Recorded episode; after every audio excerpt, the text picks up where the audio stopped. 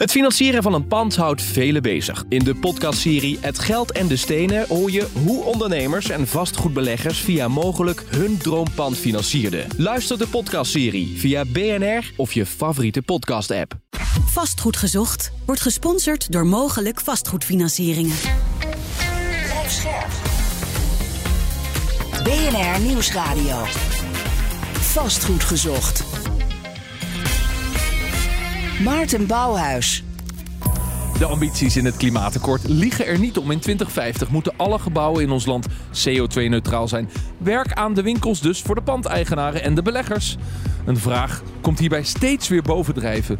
Moet ik investeren in nieuwbouw of ga ik nou mijn bestaande portefeuille verduurzamen? Dit is vastgoed gezocht. Jouw wekelijkse update over de wereld van de stenen. Je hoort ons natuurlijk elke maandagavond om 7 uur op BNR. Of gewoon online. En dat doen steeds meer mensen via de app en bnr.nl.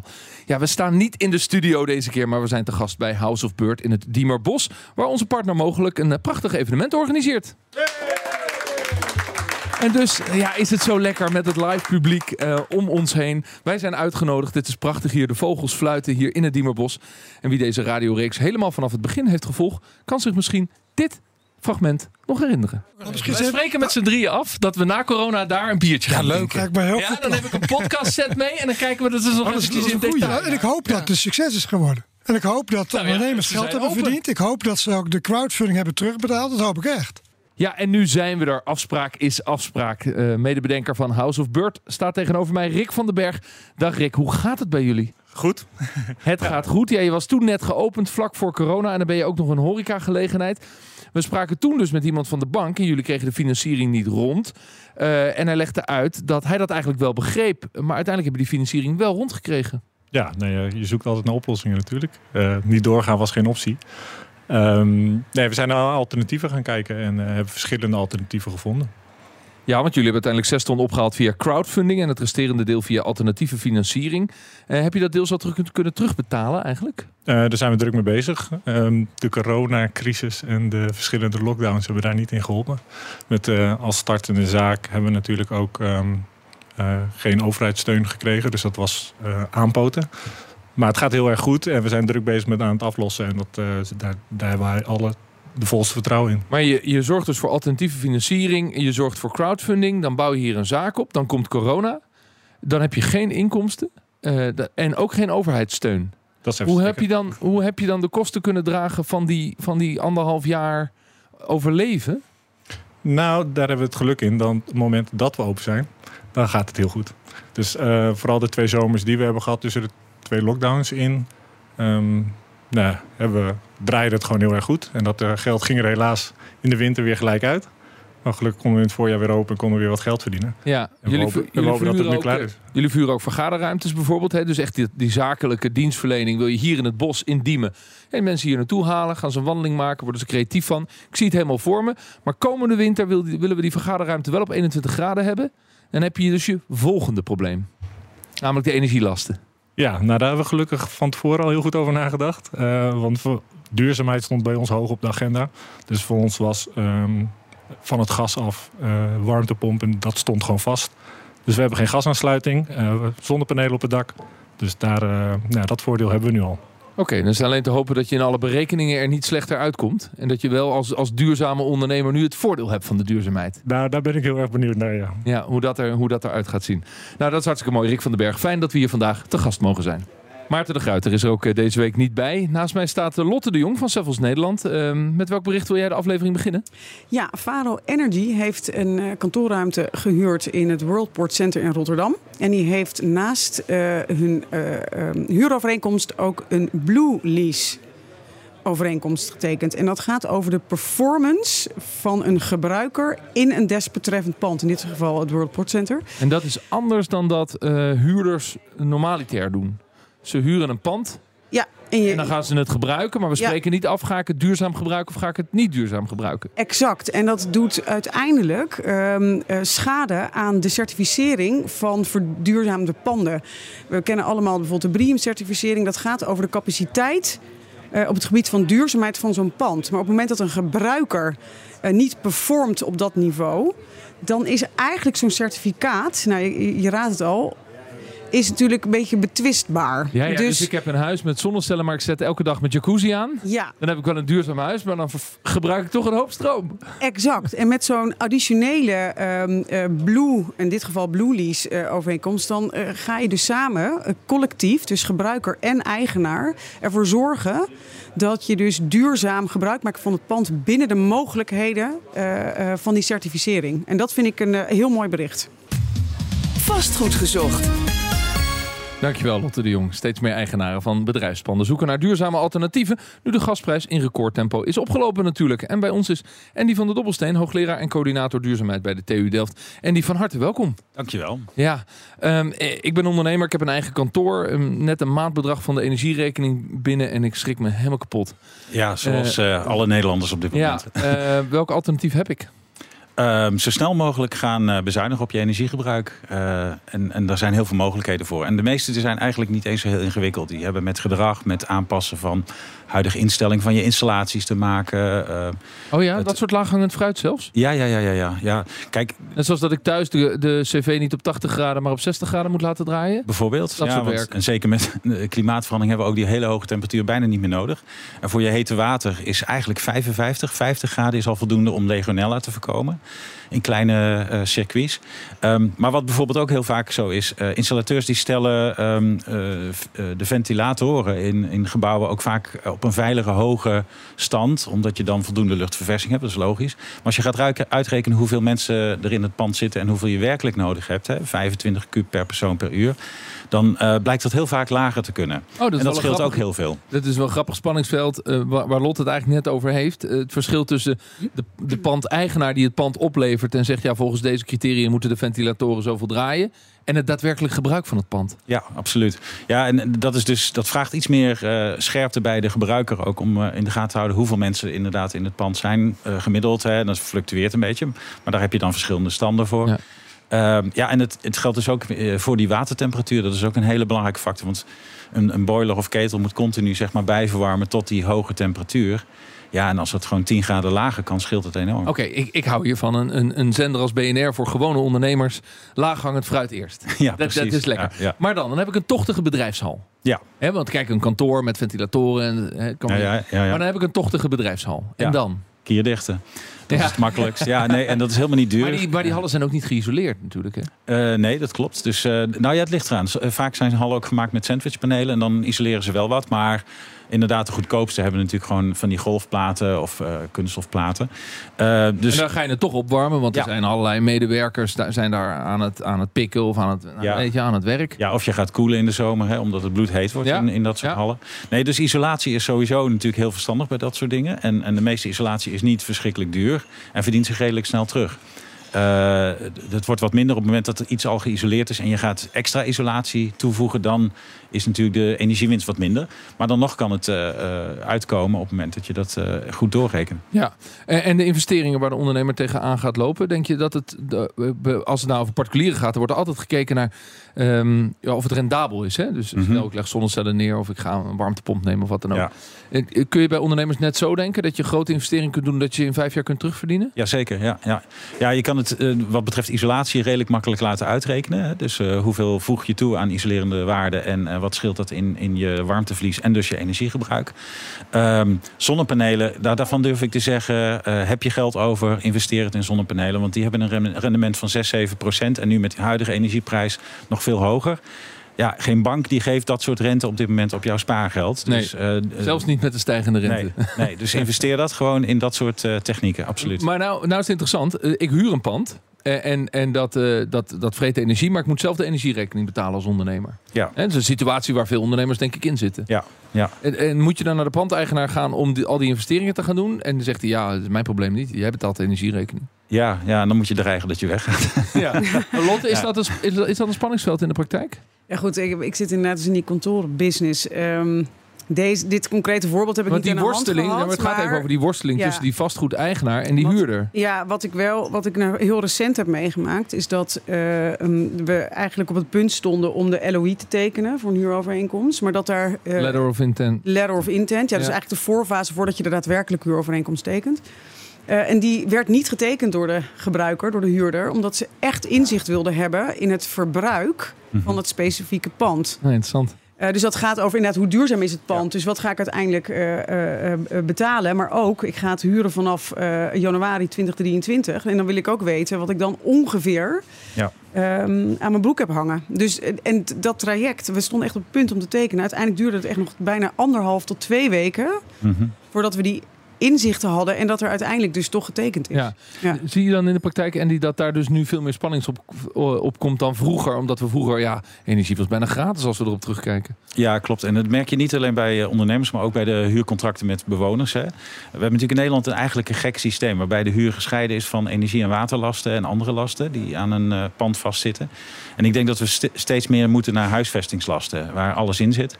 Want dan wordt het voor een verhuurder ook uh, interessanter om uh, te investeren in zeg maar, energiebesparende maatregelen. Want dat kan hij uh, soms niet doorrekenen in de huur, terwijl wel de energielast omlaag gaat. En dat is dus die split incentive die van beide kanten gevoeld wordt. De, als, als, als huurder wil je zelf geen hoge energielasten hebben en vraag je de verhuurder om te investeren erin. Maar ja, de verhuurder die kan zijn huur niet verhogen, want dat zit aan een soort van cap. Uh, terwijl uh, ja, die energierekening dan wel omlaag gaat. Dus ja. daar moeten we in Nederland vanaf. Zowel in de, in de particuliere huur als in de commerciële verhuur. Oké. Okay. Is dit dan ook het moment waarop vastgoedeigenaren misschien zullen denken... nou, dan ga ik mijn pand aanpassen. Of misschien zelfs uh, van de hand doen. En dan kies ik voor nieuwbouw. Omdat ik daar een veel duurzamere oplossing kan maken. Hoe kijk jij naar? nou, daar ben ik kritisch over. Omdat um, wij hebben met onderzoek aangetoond dat... Um, wil je een super duurzaam nieuwgebouw neerzetten... En je vergelijkt dat met uh, de, de renovatie van een bestaand pand naar nul energie, dan is de CO2-uitstoot ten gevolge van de nieuwe materialen voor die nieuwbouw is uh, drie tot vier keer hoger dan wat je nodig hebt voor een compleet strippen van een gebouw en het vervangen van alle installaties in een gebouw. Ja, ja. Dus dat, uh, vanuit duurzaamheidsoogpunt is, uh, is renovatie en transformatie vrijwel altijd beter. Hoe, hoe waardeloos het pand ook is? Nou ja, je hebt... Je Energie, hebt een... G-label en, en jaren 60 en niks meer aan gedaan. Ik roep maar iets. Ja, ik denk dat de problemen zitten meer in of het functioneel nog wel past. Hè, of het technisch op andere vlakken nog werkt. Uh, ja. Voldoende draagkracht, is er voldoende verdiepingshoogte. Dat, daar kan ik me iets bij voorstellen. Maar energetisch valt vrijwel alles uh, naar nul energie te renoveren. Tenzij je echt in een heel lastig monument zit. Uh, en is dat eigenlijk uh, wat betreft de materialen die je daarvoor gebruikt... zoveel gunstiger dan, uh, dan nieuwbouw? En dat, dat wordt vaak vergeten omdat we alleen maar naar het energiegebruik... van het in gebruik zijn kijken... en niet naar die hele in, energie-input en, en CO2-uitstoot... ten gevolge van die productie van die materialen. Maar dit, we hebben het nu over bedrijfspanden. Je kunt ja. dit natuurlijk ook doortrekken naar woningen. Maar, maar het betekent in feite dat als we te veel focus hebben op nieuwbouw... die dan allemaal nul op de meter moet zijn... Ja. Dat dat een beetje... Uh, dat dat dat dat niet voldoende is om ons land te verduurzamen. En dat we, vind jij dan dat we veel meer aandacht zouden moeten hebben op het verduurzamen van bestaande gebouwen? Ja, ja, dat vind ik zeker. Um, er zal ook nieuwbouw nodig zijn hoor. We hebben in Nederland zoveel nodig dat, uh, dat echt wel nieuwbouw nodig is. Maar van bijvoorbeeld die miljoen woningen die erbij moeten komen, kunnen naar schatting zo 650.000 gewoon gevonden worden in bestaande leegstaande panden of door renovaties en transformaties. Uh, bouwers willen dat niet, hè? Die vinden het ingewikkeld. Die willen gewoon iets nieuws bouwen. Nee, natuurlijk, het is ingewikkelder. De marges zullen ongetwijfeld uh, kleiner zijn dan bij nieuwbouw. Maar wij moeten natuurlijk als land nu uh, naar de volledige CO2-balans gaan kijken. En uh, wat dan vergeten wordt, is op dat moment de CO2-uitstoot van, van het energiegebruik gaat wel omlaag. Maar de, de productie van al die materialen, die we ook eigenlijk mee zouden moeten nemen, die gaat enorm toenemen. En daarom daalt op dit moment in de wereld de CO2-uitstoot gewoon nog niet. we zijn wel flink aan het energiebesparen in de hele wereld. Maar we zijn natuurlijk nog massaal aan het produceren aan beton en staal en weet ik wat. In de auto-industrie wordt ook altijd die, die, die zoektocht gedaan. Hè? Van, ja, kan ik nou beter ja. een nieuwe auto die duurzamer is kopen? Of ja. moet ik die oude doorrijden? Ja, en, en de vergelijking met elektrische auto's en hun batterijen. Hè? Dus wat voor kost dat aan materialen? En, ja. heeft, dus dat is, en dat is heel terecht. Die vergelijking moeten we maken. En, uh, en in de meeste gevallen... Kijk, zoals het economisch systeem nu is betaal je natuurlijk niet voor die CO2-uitstoot van die materialen. En dat is de hele pest. Want daardoor is het al snel aantrekkelijk om oudbouw af te stoten of te slopen en daar een duurzaam nieuwgebouw voor terug te zetten. Maar ja, eigenlijk op wereldschaal gezien is dat dus geen voordeel. Ja, dus, dus we moeten ook ja, snel precies. naar CO2 Dus het materiaal wat je gebruikt in een nieuwbouwwoning, ja, daar moet natuurlijk CO2 in beprijsd worden. Ja, Ja, ja. precies. Ja. daar gaan we ook wel naartoe hoor. Voor 2030 hebben we uh, alomtegenwoordig CO2-tax, vermoed ik. Die van de Dobbelsteen is hoogleraar aan de TU Delft, waar hij ook een rol heeft als coördinator duurzaamheid. Lotte de Jong is mijn co-host, die luistert naar Vastgoed Gezocht. En we staan in het Diemerbos, eh, we horen buiten de vogels fluiten. En we zijn eh, te gast op een evenement van onze partner Mogelijk. Ja, vanaf 2023 moeten kantoorpanden minimaal over energielabel C beschikken. En daar gaan we binnenkort ook nog een uitzending over maken. Het doel is natuurlijk energielabel A. Eh, hoe staan we ervoor, Andy? Uh, belabberd. meer dan de helft. Antwoord. Ja, nee, meer dan de helft van de kantoren die label C moeten hebben, is daar gewoon nog niet. Er wordt uh, veel te traag gerenoveerd. En ik denk dat we gaan het ook eerlijk gezegd niet redden uh, om alle panden die nu kantoor zijn, om die naar label C te krijgen. 1 januari, dat is over 3,5 maand. Ja, dus dat gaan we ook niet inhalen. In die Daar hebben we niet eens de handen nee. voor. Nee. Is, jij, Lotte, jij werkt in opdracht van, van huurders. Van vooral. huurders, ja. Zijn die hiermee bezig? Zeggen die tegen jou, ja, ik moet naar dat energielabel C. Uh, Lotte, hoe ga ik dat doen? Ja, eh, maar dan denk ik dat het belangrijk is om onderscheid te maken tussen de grote corporate eindgebruikers en meer MKB omdat grote corporate eindgebruikers hebben een hele andere duurzaamheidsambitie als organisatie zelf. Ook uh, met dat in het achterhoofd kijkend naar waar ze uh, zich willen vestigen. Ja. Nou ja, neem een bedrijf Versus... als NN, hè, de verzekeraar. Die heeft gezegd, we zijn Ja. in 2050 zijn we totaal klimaatneutraal. En in Ja. 2030 al onze panden, al onze assets, alles. Ja, en als je dus kijkt meer naar de MKB, dan zijn die dus wat minder gedreven vanuit hun eigen intrinsieke motivatie. Maar zij weten wel dat deze regeling eh, um, eraan komt. Dus wat zij dan zeggen, ja, ik ga niet in een pand zitten uh, die nog uh, verduurzaamd moet worden. En eerst naar C en dan naar A moet. Want dan zit ik zo meteen met zijn verbouwing aan mijn kont. Dat ga ik niet doen. Nee. Dus daar heeft dan op dat moment de eigenaar dus toch wel last van. Dus in die zin hoop ik dat het daardoor ook wel wat meer gaat versnellen. Maar nee, hier lopen wij heel veel tegenaan. Nee, maar Ja. het punt is natuurlijk, als je op het punt staat om een nieuw pand te gaan huren als MKB'er of als, Ja. als eh, middelgroot bedrijf, wat dan ook. Ja, dan heb je die keuze. Maar er zitten natuurlijk de meeste bedrijven in Nederland hebben een doorlopend huurcontract. En zitten er nog vijf of nog tien jaar in. En die hebben nu een gesprek met hun verhuurder Ja. van ja, we moeten naar Ja, energielabel wat, C. wat doen? gaan we doen? Wat ga je doen? Ja. Wat, Ja, wat gebeurt er, Andy? Wat zie je in de praktijk? Uh, nou ja, ik zie deze ontwikkeling ook. Hè. En, en inderdaad, de, de keuze vooraf om niet meer in panden te gaan zitten waar een risico aan vast zit, hè, energetisch. Ja, en, en de mensen die uh, hun verhuurders gaan uh, pushen om, om echt te gaan investeren erin. En laten we ook niet vergeten, we hebben nog steeds heel veel leegstaande kantoren ook. Hè. En, en die zijn ook niet label C. Um, daarvan zeg ik, met de woningbehoefte die we nu hebben, ga alles transformeren naar woningen en appartementen en wat dan ook. En wat voor ontwikkelingen zie je daar nu in? Want toevallig hadden Mhm. we het daar vorige week over in de, in de uitzending. Um, van, gaan, we, gaan we die tendens weer meemaken dat we uh, uh, kantoren getransformeerd worden naar Ja. Ik denk dat het, uh, dat het haast niet anders kan. En dat was, vorige week was namelijk in licht van het feit dat we nu steeds meer gaan zien dat die grote corporate eindgebruikers waar ik net over had, uh, door uh, post-COVID ontwikkelingen thuiswerken, dus toch vierkante meters gaan inleveren, op wat voor manier dan ja. ook. Ja. Um, en die, die, onlosmakelijk daarmee verbonden is dat je natuurlijk opnieuw gaat kijken naar die leegstand. En dat Ja. was natuurlijk Ja. uiteindelijk in de crisis van 15 jaar geleden hetzelfde geval. Ja, klopt. Nou ja, en nu is het extra incentive natuurlijk is die label C. Hè, want uh, kijk, wat, wat leeg overblijft, is, zijn natuurlijk de slechtste kantoren. Dat zijn de kantoren die label C uh, voorlopig helemaal niet gaan halen. Nou, laten we die dan in ieder geval herbestemmen als woontorens. En er zijn al hele goede voorbeelden van. Hè. Kijk naar Eindhoven, kijk naar Rotterdam, waar leegstaande kantoren zijn omgebouwd tot appartementen. Ja, zelfs dat pareltje van KPMG langs de A9 worden Ja, woningen. zelfs die. Ja, dan zouden er nooit weg moeten gaan. Maar, Ja, maar dat nee, nee, dus, er zijn voorbeelden genoeg. Uh, het, het, kan en uh, het is ook echt nodig nu. En, en dat, zijn, dat is relatief goedkope en makkelijke woonruimte. Uh, Ja. die, ja, Oké, okay, maar even terug naar de kantoren. En, en, En we allerlei... hoeven het niet te slopen. Nee, nee dat scheelt. En opnieuw op Ja. te bouwen. En dat is ook weer Ja. duurzaam. Precies. Maar dan even terug naar de, uh, laten we zeggen, commercieel vastgoed of bedrijfsvastgoed. Uh, inclusief kantoren, maar misschien ook, ook ja, allerlei ge- gebruiksruimte van, van, van bedrijven. Um, dat moet dan verduurzaamd worden. Dat moet dus naar energielabel C. We zijn daar nog lang niet. Wat is nou echt de grootste bottleneck? Zit hem dat in die bereidheid van die eigenaar slash die huurder? Of zit hem dat gewoon in materialen en handjes? Ik denk dat alles een geldkwestie is. En dus dat het heel erg te maken heeft met welke investeringen zijn nodig. Uh, soms weet men waarschijnlijk ook niet wat men het beste kan doen. Hè? Dan moet je ook weer een adviseur voor inhuren. Uh, die komt dan met een plannetje. Kost allemaal geld. Uh, dus je hebt toch een zak met geld nodig. En die verdienen zich wel terug. Zeker met de huidige energieprijzen. Maar ja, je moet eerst een fatsoenlijke lening zien te krijgen om dat te kunnen doen. Dus dat is vanuit Ja. de verhuurder of de eigenaar. Maar, het verdient zich dus makkelijker terug met de huidige energieprijzen dan, eh, laten we zeggen, het je twee jaar geleden had berekend. Absoluut. Is deze energiecrisis in die zin ook toch een beetje een blessing in disguise? Ja, ik, ik hoop zelf eigenlijk al jarenlang op een veel hogere energieprijs. Omdat in die huidige energieprijs zit ook helemaal niet die Nou. CO2-tax verwerkt. Hier heb je het. Ja. Maar, maar, we, maar we voelen alsof we in crisis zijn als gevolg daarvan. Ja, en dat is het ook. Want mensen die geen mogelijkheid hebben om te investeren... en ook bedrijven die geen mogelijkheid hebben om te investeren... in hun bedrijfspandaanpassing... dan, eh, ja, dan, heb, dan heb je een probleem. Ja. En dat zijn natuurlijk de armste bedrijven... en de armste mensen in de huur...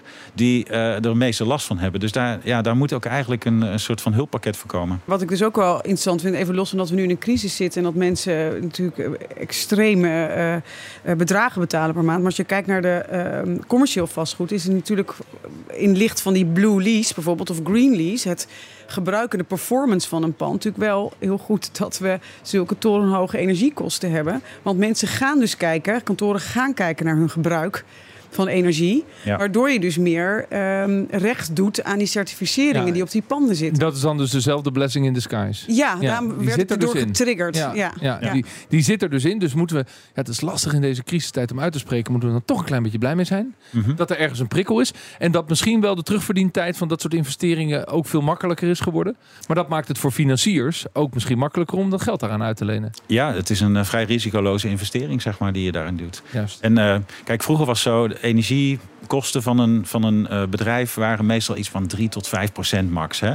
En dan eh, had je de huisvesting zelf was iets van 10 procent. De rest is eigenlijk gewoon eh, salarissen. En dus was het veel beter om te investeren in waar medewerkers efficiënter van werden en en productiever van. Eh, maar ja, nu krijg je met panden die ook slecht geïsoleerd zijn. Het is oncomfortabeler. Eh, zomers is het niet meer te hard qua hitte. Eh, dus die investering die je doet in het energiesysteem heeft eh, twee kanten. Dit heeft Ja. bespaart nu op je energiekosten die langzaam naar 10% gaan. Eh, en, je eh, en je bent natuurlijk bezig met het comfort van je medewerkers die daardoor productiever blijven. Ja, En dat die, is ook belangrijk. die labels zijn natuurlijk afgedwongen door de overheid. Eh, vind je dat de overheid daar nog een schepje bij moet leggen? Of is het goed zo? Eerst maar eens kijken hoe ver we kunnen komen met energielabel C 1 januari. En dan de balans opmaken hoeveel ondernemers dat niet gered hebben. Ik denk dat dat goed is om even af te wachten. Want ja, kijk, in die drie maanden die we hebben kunnen we toch niet zoveel meer doen. Ehm, maar ik zou wel heel hard vasthouden aan de doelen voor 2030. Eh, dat is echt een heel belangrijk jaar. Omdat als we voor die tijd niet eh, naar meer dan de helft CO2-besparing eh, zijn gekomen... dan hebben we echt een groot probleem. Andy van der Dobbelsteen, hoogleraar aan de TU Delft. Dankjewel voor dit gesprek.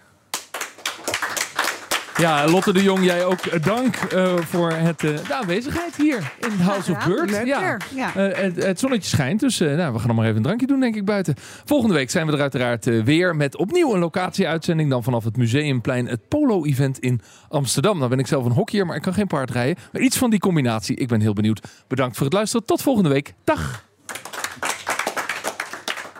Vastgoed gezocht wordt gesponsord door mogelijk vastgoedfinancieringen.